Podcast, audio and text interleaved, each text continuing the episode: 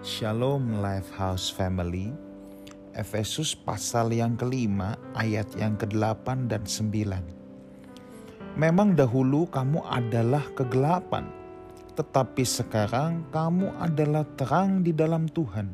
Sebab itu hiduplah sebagai anak-anak terang Karena terang hanya berbuahkan kebaikan dan keadilan dan kebenaran.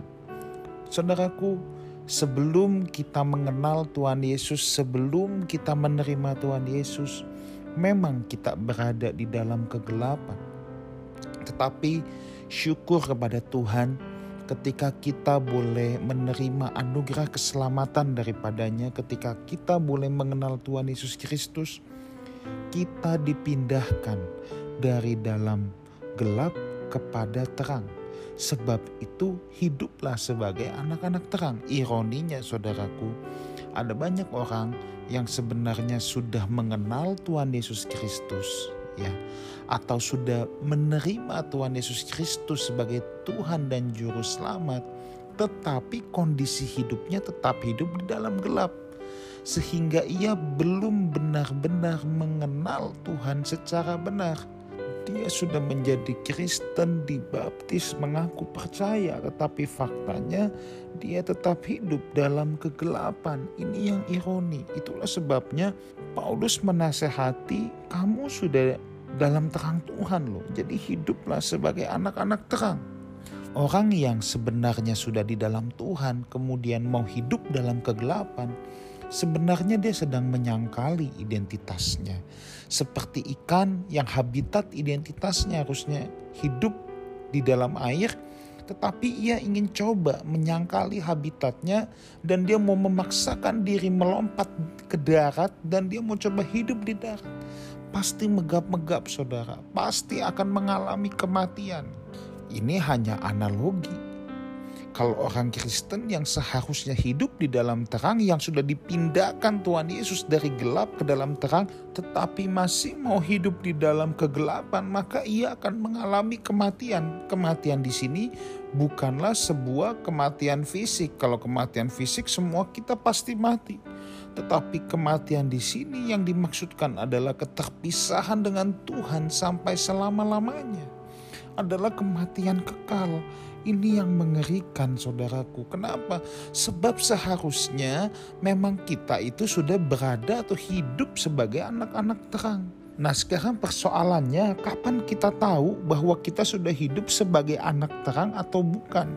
Nah di sini di ayat yang ke-9. Terang hanya berbuahkan satu kebaikan, dua keadilan, tiga kebenaran.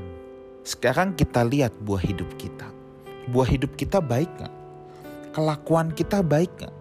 Kebaikan kita bisa dirasakan tidak oleh sekeliling kita? Jika ya, kita sudah punya satu ciri, anak-anak terang. Yang kedua, keadilan. Kita sudah adil belum?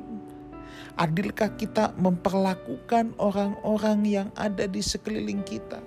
Adilkah kita terhadap bawahan kita? Apakah kita menjalankan kewajiban dan memberikan haknya kepada mereka yang sesuai? Kepada atasan kita pun, kalau kita bekerja, apakah kita sudah adil? Loh, gimana, Pastor? Adil kepada atasan? Oh iya, ketika kita menjalankan kewajiban kita, di situ kita bersikap adil. Dan yang terakhir, yang ketiga, cirinya adalah kebenaran. Apakah aku sudah menjadi orang benar? Dari mana kita tahu kita sudah menjadi orang benar? Yaitu ketika kita menghidupi firman. Firman Tuhan itulah kebenaran.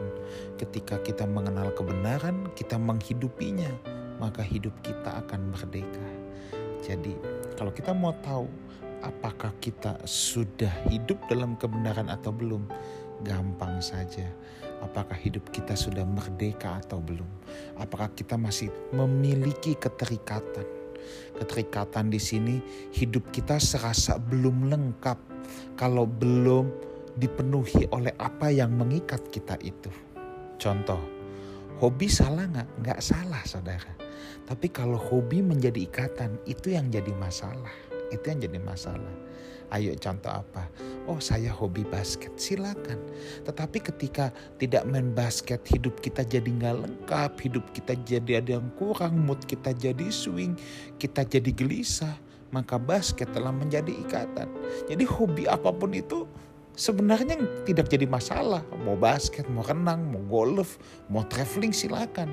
Tetapi kelengkapan kita hanya ada di dalam Tuhan. Ketika kita merasa tidak lengkap tanpa hal itu, itulah ikatan. Jadi saudara, yuk kita hidup sebagai anak-anak terang yang dicirikan dengan kebaikan, keadilan, dan kebenaran. Tuhan Yesus menyertai kita semua. Haleluya.